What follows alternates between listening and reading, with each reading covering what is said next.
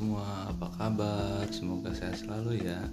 Perkenalkan nama saya Gelar Handagiana, saya pekerja dan juga mahasiswa. Saya bekerja di sekolah luar biasa yaitu di SLB Bina Bakti Mandiri dan saya menjadi mahasiswa di Universitas Islam Nusantara Bandung. Pengalaman saya kenapa bisa terjun di dunia PLB karena yang pertama latar belakang orang tua saya sebagai guru SLB. Dan yang kedua, karena saya ingin mengikuti jejak orang tua saya. Dari situlah saya terpacu untuk meneruskan studi pendidikan kuliah di PLB.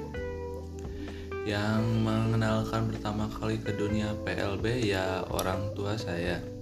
Awalnya saya tidak ada pemikiran untuk terjun ke dunia PLB karena saya waktu SMA mengambil jurusan otomotif perbengkelan. Tapi dengan adanya dorongan dan dukungan orang tua, saya mengambil PLB. Kenapa saya memilih ngajar praktek daripada teori? Karena anak ABK lebih memahami pengalaman langsung dibanding teori. Nah, praktek yang saya bimbing kepada anak-anak ABK seperti menyuci mobil atau motor, rangkaian bunga dan keterampilan tangan.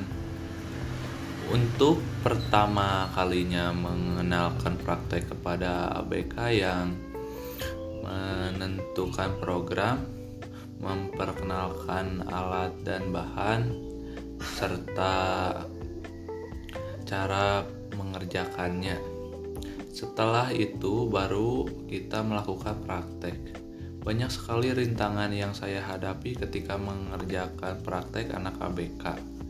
Terutama mereka ingin melakukan sesuka hati mereka dan tidak mudah untuk diatur kesulitan ketika mengatasi hambatan pada peserta didik tersebut. Jadi tidak ada teori yang spesifik yang dapat dipraktekkan langsung pada siswa. Melainkan guru harus kreatif dan inovatif untuk menemukan pemecahan masalahnya dalam hal belajar atau praktek. Tapi dengan seiring waktu saya terbiasa dengan sifat mereka dan pelahan yang mengerti bahwa kesabaran harus lebih luas untuk menghadapi mereka dengan terus keuletan dan selalu dipantau saat mengerjakannya.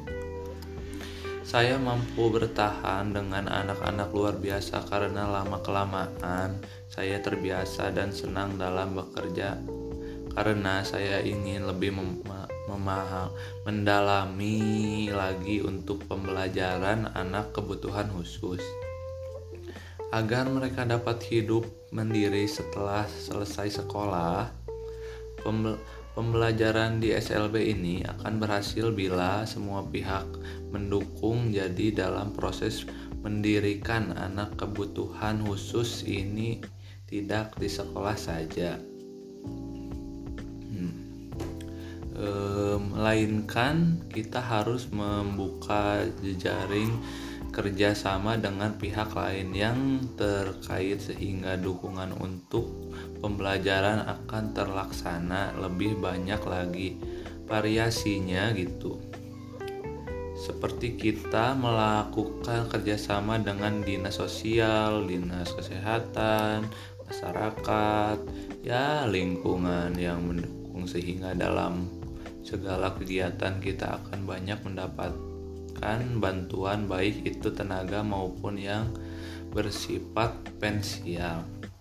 Dalam pembelajaran peserta didik berkebutuhan khusus ini tidak mudah tapi prinsipnya kita harus memahami dulu asesmen yang sangat mendasari jadi sebelum berangkat eh, menyusun program kita lebih awal melakukan asesmen apakah kemampuan per puisi terhadap materi yang kita berikan kepada siswa sudah dikuasai atau belum. Nah, kalau sudah baru kita membuat program, kalau belum materi yang akan kita berikan mubah jadi tidak akan bisa dilakukan oleh siswa. Oleh sebab itu, asesmen dalam pembelajaran anak berkebutuhan khusus ini sangat penting dalam mengembangkan ke PLBN ini.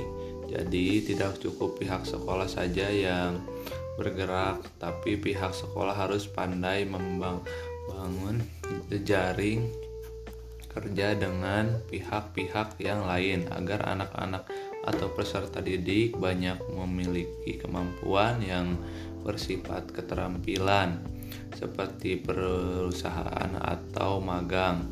Anak-anak kebutuhan khusus sehingga siswa kembali ke sekolah itu sudah memiliki suatu keterampilan vokasional.